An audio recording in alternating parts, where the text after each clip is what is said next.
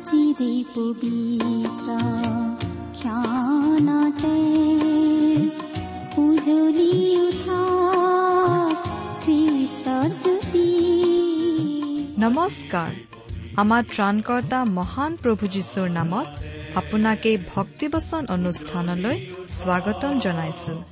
এয়া মুকলি কৰিছো ঈশ্বৰৰ জীৱিত বাক্যৰ ধাৰাবাহিক অনুষ্ঠান ভক্তিবচন।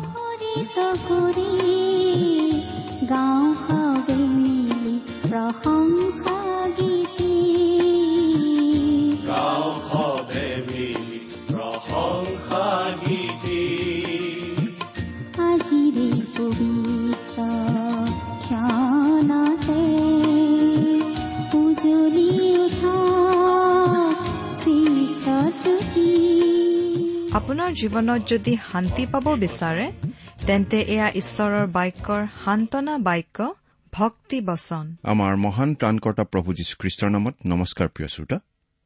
আশা কৰো আপুনি আমাৰ মহান পিতা পৰমেশ্বৰৰ মহান অনুগ্ৰহত ভালে কুশলে আছে।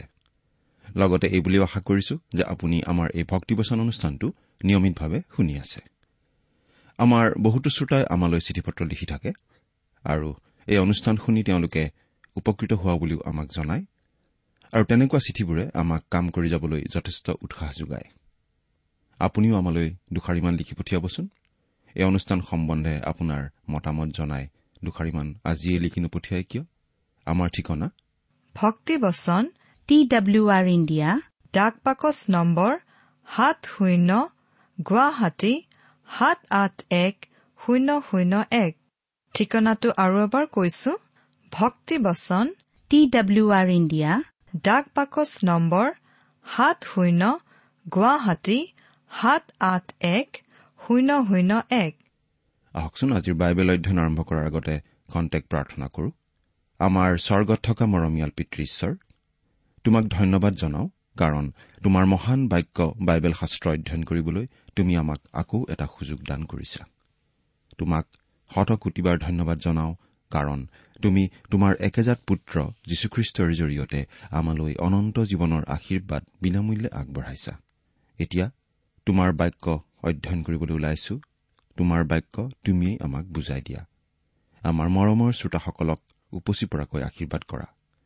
তেওঁলোকৰ সকলো প্ৰয়োজনৰ কথা তুমিহে ভালদৰে জানা আৰু সেই সকলো তুমিয়েই পূৰণ কৰা। কিয়নো এই প্ৰাৰ্থনা আমাৰ মহান ত্ৰাণকৰ্তা প্ৰভু যীশুখ্ৰীষ্টৰ নামত আগবঢ়াইছো।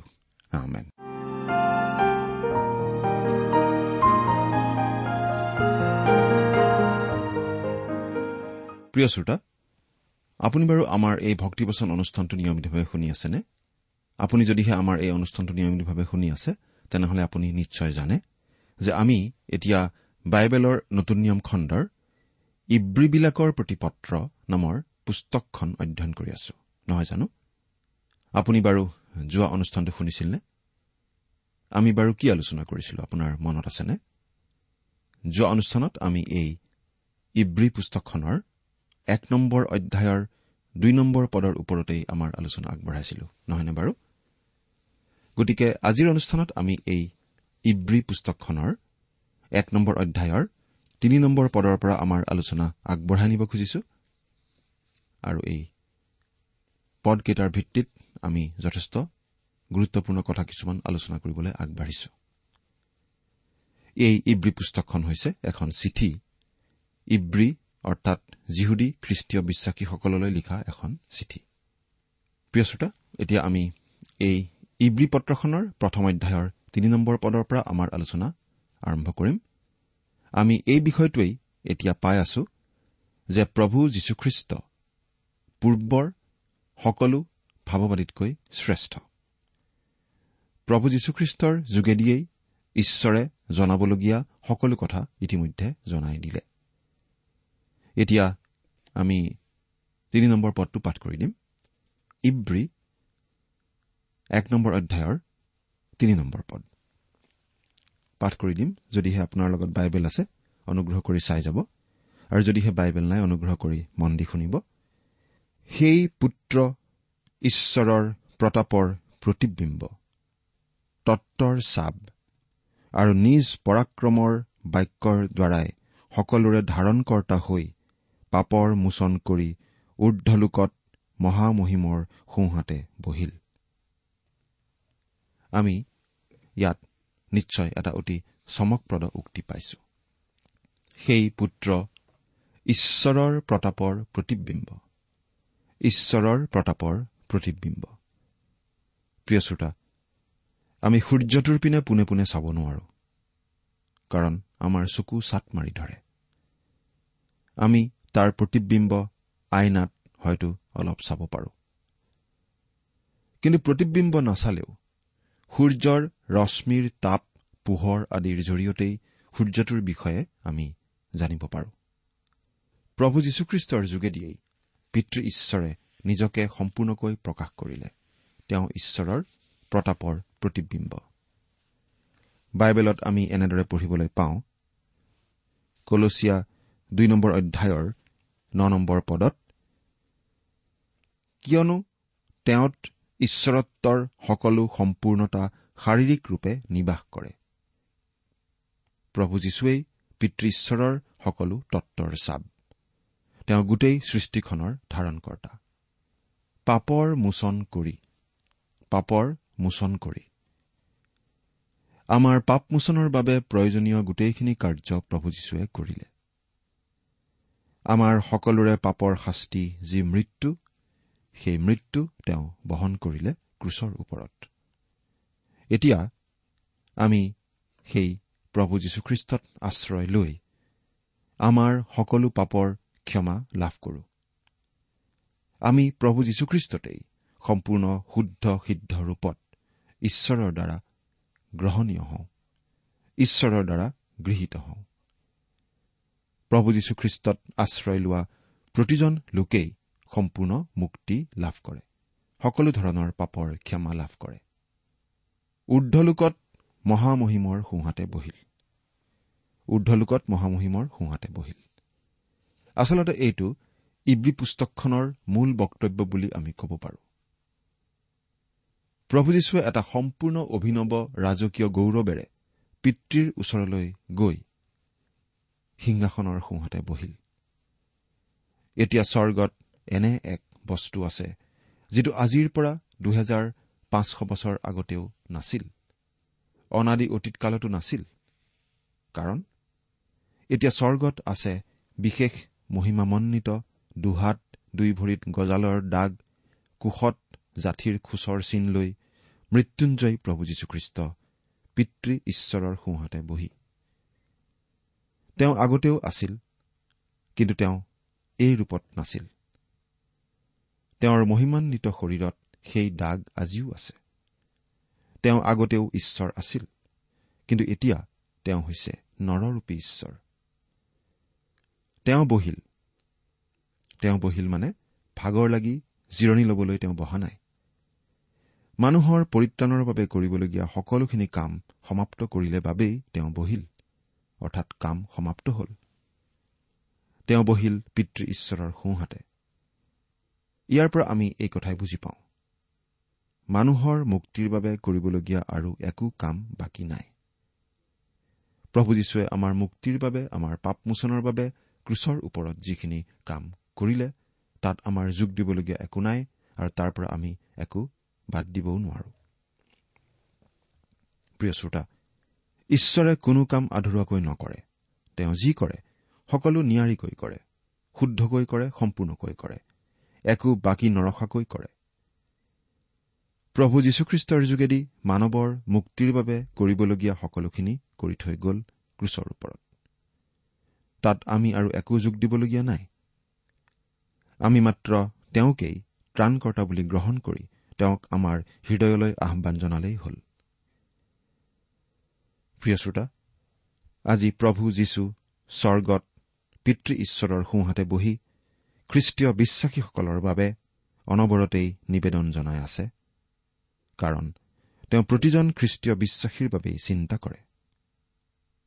প্ৰিয় শ্ৰোতা আপোনাক বাৰু দয়া ক্ষমা কৰুণাৰ প্ৰয়োজন নে আপোনাক সহায়ৰ প্ৰয়োজন নে আপোনাক জ্ঞানৰ প্ৰয়োজন নে আপোনাৰ প্ৰয়োজন যিয়েই নহওক লাগিলে আপুনি প্ৰভু যীশুতেই সকলো বিচাৰি পাব পাৰে। প্ৰভু যীশুতেই সকলো লাভ কৰিব পাৰে। তেওঁ তেওঁৰ বিশেষ আঁচনি অনুসাৰে আপোনাৰ জীৱনত কাৰ্য কৰিব। তেওঁ প্ৰতিজন খ্ৰীষ্টীয় বিশ্বাসীৰ জীৱনতেই কাৰ্য কৰি আছে। প্ৰতিজন খ্ৰীষ্টীয় বিশ্বাসীৰ হকে তেওঁ নিৰন্তৰে প্ৰাৰ্থনা জনাই আছে। খ্ৰীষ্টীয় বিশ্বাসীজন কেতিয়াও অকলশৰীয়া নহয়। প্ৰিয় শ্ৰোতা এই মুহূৰ্ততো প্ৰভু যীশুখ্ৰীষ্টই তেওঁৰ বিশ্বাসী লোকসকলৰ বাবে প্ৰাৰ্থনা জনাই আছে। তেওঁ আপোনাৰ বাবেও প্ৰাৰ্থনা জনাই আছেনে বাৰু? চিন্তা কৰি চাওকচোন। এতিয়া আমি পাঠ কৰি দিম ইব্ৰী এক নম্বৰ অধ্যায়ৰ চাৰি নম্বৰ পদটো। ইয়াত আমি এনেদৰে পাওঁ আৰু স্বৰ্গদূতবিলাকতকৈ তেওঁ যিমান উত্তম নামৰ অধিকাৰ পালে। তেওঁবিলাকতকৈ সিমান শ্ৰেষ্ঠ হ'ল। যীশুখ্ৰীষ্ট স্বৰ্গদূতবিলাকতকৈ শ্ৰেষ্ঠ। পুৰণি নিয়মৰ দিনত স্বৰ্গদূতসকলৰ এটা বিশেষ পৰিচৰ্যা আছিল। বিধান দিয়াৰ সময়ত স্বৰ্গদূতসকলৰ এটা বিশেষ ভূমিকা আছিল। এই বিষয়ে যদি আপুনি জানিব বিচাৰে তেনেহলে এই শাস্ত্ৰপদকেইটা আপুনি চাব পাৰে। আমি শাস্ত্ৰপদকেইটা কৈ দিম। আপুনি যদি লগত কাগজ পেঞ্চিল আছে লিখি ল'ব পাৰে। গীতমালা আঠষষ্ঠি নম্বৰ সোতৰ পদ। গীতমালা আঠষষ্ঠি নম্বৰ গীতৰ সোতৰ নম্বৰ পদ। পাচনি কৰ্ম সাত নম্বৰ অধ্যায়ৰ তেপন্ন নম্বৰ পদ। পাচনি কৰ্ম সাত নম্বৰ অধ্যায় তেপন্ন নম্বৰ পদ। গালাটীয়া তিনি নম্বৰ অধ্যায়ৰ ঊনৈশ নম্বৰ পদ। গালাটীয়া তিনি নম্বৰ অধ্যায়ৰ ঊনৈশ নম্বৰ পদ। আমি প্ৰকাশিত বাক্যত দেখা পাওঁ যে পৃথিৱীৰ পৰা মণ্ডলীক উঠাই লৈ যোৱাৰ পাছত স্বৰ্গদূতসকলৰ আন এটা বিশেষ পৰিচৰ্যা সম্পন্ন হ'ব। সেই পৰিচৰ্যা হ'ব সুধ বিচাৰ সম্পৰ্কীয়। কিন্তু আমাৰ চিন্তা চৰ্চাৰ কেন্দ্ৰবিন্দু হ'ব লাগে যীশুখ্ৰীষ্টহে স্বৰ্গদূত নহয় কাৰণ প্ৰভু যীশুখ্ৰীষ্ট স্বৰ্গদূতসকলতকৈ শ্ৰেষ্ঠ।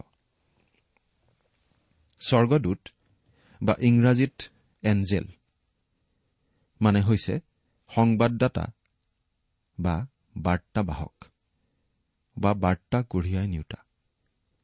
স্বৰ্গদূতসকলে প্ৰভু যীশুক সেৱা কৰে। স্বৰ্গদূতবোৰো ঈশ্বৰৰ দ্বাৰাই সৃষ্ট ব্যক্তিহে। প্ৰভু যীশুখ্ৰীষ্ট স্বৰ্গদূততকৈ উত্তম স্বৰ্গদূতসকলতকৈ শ্ৰেষ্ঠ। এই কথাটো ইব্ৰী পুস্তকত অতি স্পষ্টভাৱে প্ৰকাশ কৰা হৈছে। এই কথাটো বিশেষভাৱে ঘোষণা কৰা হৈছে। ইব্ৰী এক নম্বৰ অধ্যায়ৰ পাঁচ নম্বৰ পদৰ পৰা আমি কেইটামান উদ্ধৃতি পাওঁ।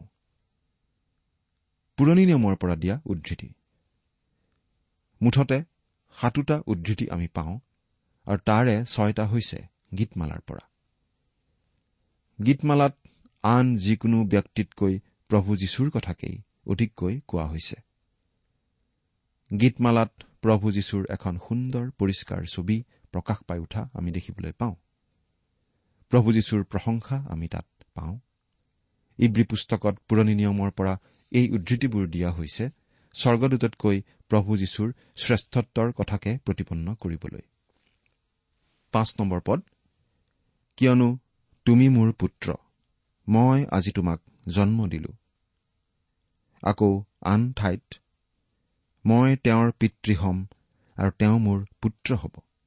এইবুলি ঈশ্বৰে সেই দূতবিলাকৰ মাজৰ পৰা কোনজনক কেতিয়া কলে? অৰ্থাৎ কোনো দূতক কেতিয়াও ঈশ্বৰে তেনেকৈ কোৱা নাই। তুমি মোৰ পুত্ৰ মই আজি তোমাক জন্ম দিলো। এইটো আচলতে গীতমালা দুই নম্বৰ গীতৰ সাত নম্বৰ পদৰ পৰা দিয়া উদ্ধৃতি। পাচনিৰ কৰ্ম তেৰ নম্বৰ অধ্যায়ত পাচনি পৌলে আণ্টিয়খিয়াত দিয়া গুৰুত্বপূৰ্ণ বক্তৃতাটোৰ কথা আমি পাওঁ।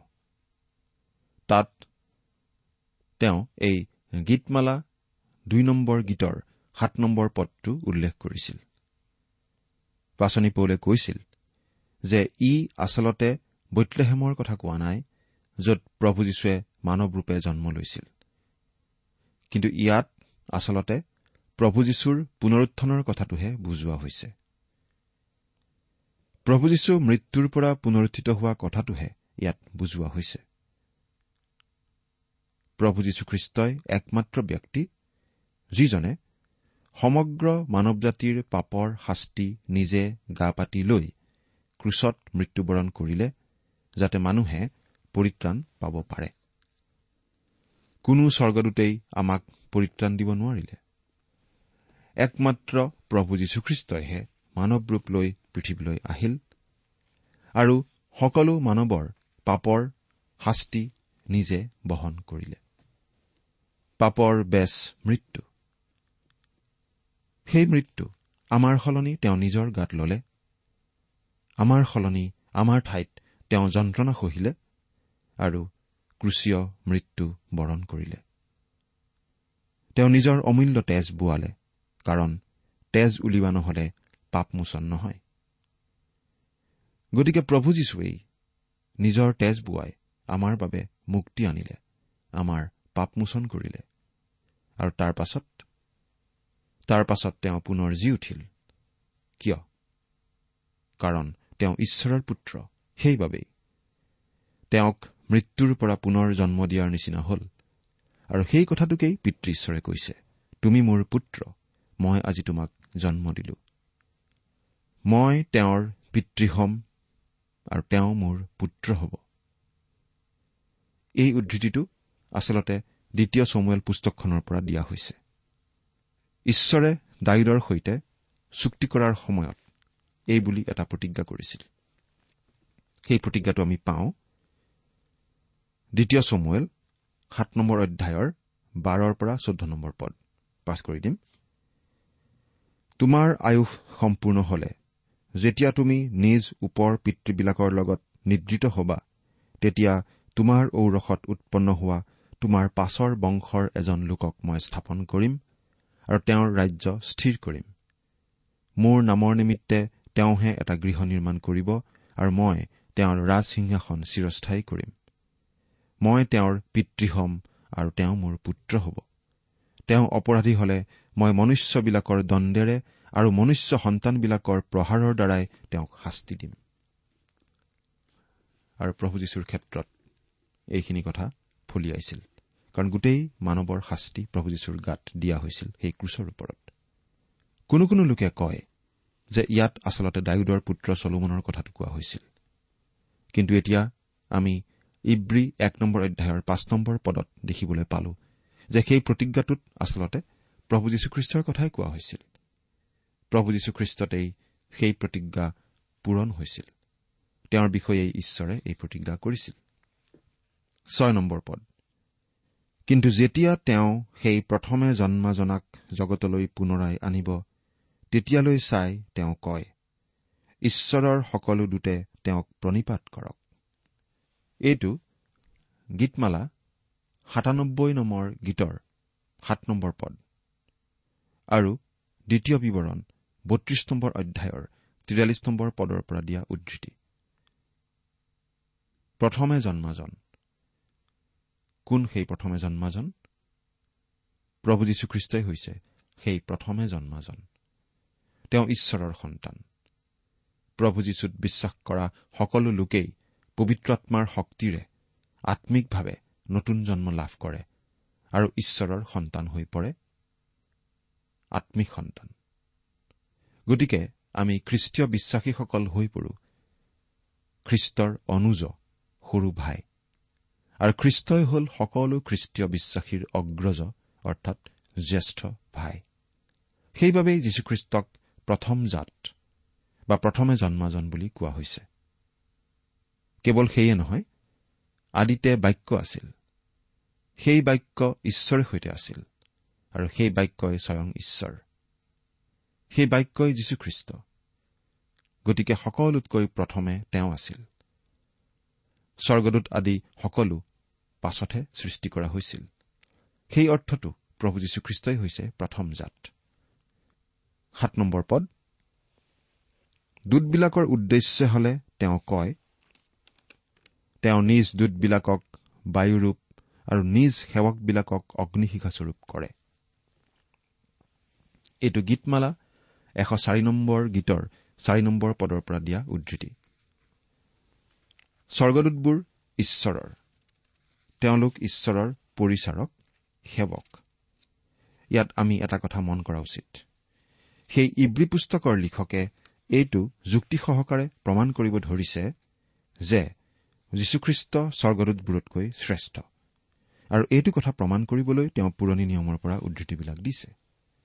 মানুহ কেতিয়াও স্বৰ্গদূত হ'ব নোৱাৰে। ঈশ্বৰেই সকলোকে সৃষ্টি কৰিছে। গোটেই বিশ্ব ব্ৰহ্মাণ্ডখনৰ স্ৰষ্টা তেওঁৱেই। তেওঁ সৃষ্টি কৰা বস্তুবোৰৰ কিছুমান দৃশ্যমান আৰু কিছুমান অদৃশ্য। কলচীয়া এক নম্বৰ অধ্যায়ৰ ষোল্ল নম্বৰ পদত আমি পঢ়িবলৈ পাইছিলো যে খ্ৰীষ্টই দৃশ্য আৰু অদৃশ্য ৰূপত বিভিন্ন বস্তুৰ সৃষ্টি কৰিছিল।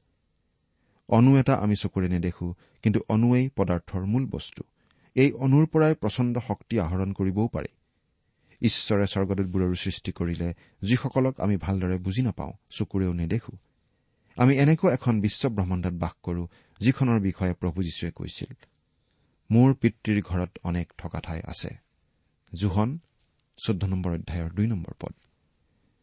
সেই থকা ঠাইবোৰত বাৰু কোন থাকে? ঈশ্বৰে সৃষ্টি কৰা কোনো বিশেষ ধৰণৰ ব্যক্তিসমূহ বা আন কোনো সৃষ্ট জীৱ হয়তো সেইবোৰত থাকে। এই বিশ্ব ব্ৰহ্মাণ্ডখনত ঈশ্বৰে আমি আজি কল্পনা কৰাতকৈ বহুত কিবা কিবি সৃষ্টি কৰি থৈছে যিবোৰৰ বিষয়ে আমি হয়তো একো নাজানো। মানুহ জন্তুৰ পৰা পৰিৱৰ্তিত হৈ গঠিত হোৱা নাই। এখন ভৌতিক জগত আছে পদাৰ্থৰ জগত। জীৱ জন্তুৰ জগত এখন আছে তেনেদৰে মানুহৰ জগতো আছে। ঠিক একেদৰে এখন আত্মাৰ জগতো আছে। মানুহতকৈ নিম্ন খাপৰ সৃষ্ট জীৱ জন্তুবোৰ আছে আৰু মানুহতকৈ উচ্চ খাপৰ সৃষ্ট ব্যক্তিসকল আছে যেনে স্বৰ্গদূতসকল। আমি জীৱ জন্তুৰ পৰা সলনি হৈ মানুহ হোৱা নাই ঠিক একেদৰে আমি মানুহৰ পৰা পৰিৱৰ্তিত হৈ স্বৰ্গদূতো হ'ব নোৱাৰো। এটা গান আছে আৰু সেই গানটোত এই বুলি কোৱা হৈছে I want to be an angel and with the angels sing মই এটা স্বৰ্গদূত হ'ব খোজো আৰু স্বৰ্গদূতৰ লগত গান গাব খোজো। কিছুমান ঠাইত ছানডে স্কুলত শিক্ষকে দুষ্ট দুষ্ট ল'ৰাবিলাকক শাৰী পাতি থিয় কৰাই এই গানটো গোৱায়। এজন বিখ্যাত লোকে কৈছিল মই কেতিয়াও স্বৰ্গদূত হবলৈ ইচ্ছা কৰা নাছিলো গতিকে এই গানটো গাবলৈ বৰ বেয়া পাইছিলো। কিন্তু ঈশ্বৰক ধন্যবাদ যে বাইবেলে এই কথা পৰিষ্কাৰ কৰি দিছে যে আমি কেতিয়াও স্বৰ্গদূত নহওঁ। স্বৰ্গদূত শব্দটোৰ অৰ্থ হৈছে বাৰ্তাবাহক। ইংৰাজীত এঞ্জেল আৰু গ্ৰীক ভাষাত এগিলছ। আচলতে যিকোনো বাৰ্তাবাহকক এগিলছ বুলি ক'ব পাৰি। গতিকে ঈশ্বৰৰ পৰা অহা বাৰ্তা আৰু মানুহৰ বাৰ্তা কঢ়িয়াই নিয়া যিকোনো বাৰ্তাবাহককেই এঞ্জেল বুলি আচলতে ক'ব পাৰি। কিন্তু ঈশ্বৰে আমাতকৈ উন্নত এক শ্ৰেণীৰ ব্যক্তি সৃষ্টি কৰিছে আৰু সেই সৃষ্টি অলৌকিক। এই পাৰ্থিৱ ভাৱ চিন্তাৰে আমি ঢুকি নাপাওঁ। আৰু এইসকলেই হৈছে স্বৰ্গদূত। এই বিশ্বজগতখনত আচলতে কিমান স্বৰ্গদূত আছে সেই সংখ্যাটো আমি জানিলে হয়তো অতিশয় আচৰিত হলোহেঁতেন। তেওঁলোকক স্বৰ্গৰ বাহিনীবিলাক বুলি কোৱা হৈছে। গতিকে তেওঁলোকৰ সংখ্যা নিশ্চয় অনেক। আমাৰ এনেকুৱা ধাৰণা হয় যে তেওঁলোকৰ সংখ্যা কেতিয়াও বৃদ্ধি হোৱা নাই। আৰু তেওঁলোকৰ সংখ্যা কেতিয়াও কমিও যোৱা নাই। কিন্তু কিমানজন স্বৰ্গদূত আছে সেই সংখ্যা আমি নাজানো। সেই স্বৰ্গদূতসকল ঈশ্বৰৰ পৰিকল্পনা আৰু আঁচনিৰ গুৰুত্বপূৰ্ণ অংগ। কিন্তু ইয়াত আমাক এই কথাটো কোৱা হৈছে যে আমাৰ প্ৰভু যীশুখ্ৰীষ্ট স্বৰ্গদূতসকলতকৈ শ্ৰেষ্ঠ। তেওঁ সকলোতকৈ শ্ৰেষ্ঠ কিয়নো তেওঁ ঈশপুত্ৰ তেওঁ ঈশ্বৰ। সেই মহান প্ৰভু যীশুখ্ৰীষ্টক আপুনি বাৰু নিজৰ ব্যক্তিগত ত্ৰাণকৰ্তা প্ৰভু হিচাপে জানেনে? মানেনে? তেওঁ গ্ৰহণ কৰিছেনে? চিন্তা কৰি চাওকচোন। ঈশ্বৰ আপোনাক আশীৰ্বাদ কৰক। আহমেদ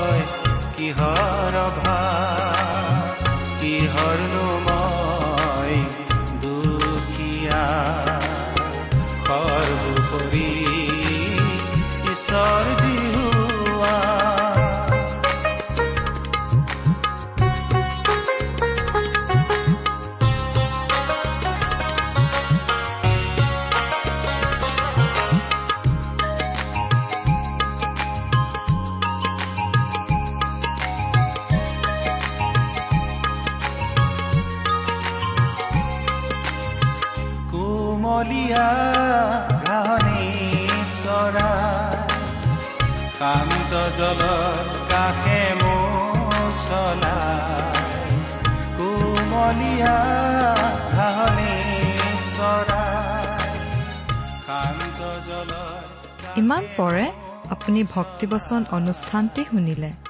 অনুষ্ঠানটি শুনি কেনে পালে আমালৈ চিঠি লিখি জনাবচোন? অনুষ্ঠানত প্ৰচাৰ কৰা কোনো কথা বুজিব লগা থাকিলেও আমালৈ লিখক। আমাৰ ঠিকনা ভক্তিবচন টি ডাব্লিউ আৰ ইণ্ডিয়া ডাক পাকচ নম্বৰ সাত শূন্য গুৱাহাটী সাত আঠ এক শূন্য শূন্য এক। ঠিকনাটো আৰু এবাৰ কৈছো ভক্তিবচন টি ডাব্লিউ আৰ ইণ্ডিয়া ডাক পাকচ নম্বৰ সাত শূন্য গুৱাহাটী সাত আঠ এক শূন্য শূন্য এক। আপুনি ইমেইল যোগেৰেও আমাৰ সৈতে যোগাযোগ কৰিব পাৰে। আমাৰ ইমেইল আইডিটো হৈছে Assamese T TV at radio' eight eight two dot com আইডিটো আকৌ এবাৰ কৈছো। Assamese T TV at radio' eight eight two dot com আপুনি টেলিফোনৰ মাধ্যমেৰেও আমাক যোগাযোগ কৰিব পাৰে। আমাৰ টেলিফোন নম্বৰটো হৈছে শূন্য তিনি ছয় এক দুই ছয় শূন্য চাৰি ছয় সাত এক। ফোন নম্বৰটো আকৌ এবাৰ কৈছো zero' three six one two six zero' four six seven one. আজিৰ অনুষ্ঠানটি ইমানতে সামৰিছো। ঈশ্বৰৰ শান্তি আৰু অনুগ্ৰহ আপোনাৰ লগত থাকক। ধন্যবাদ। চলাই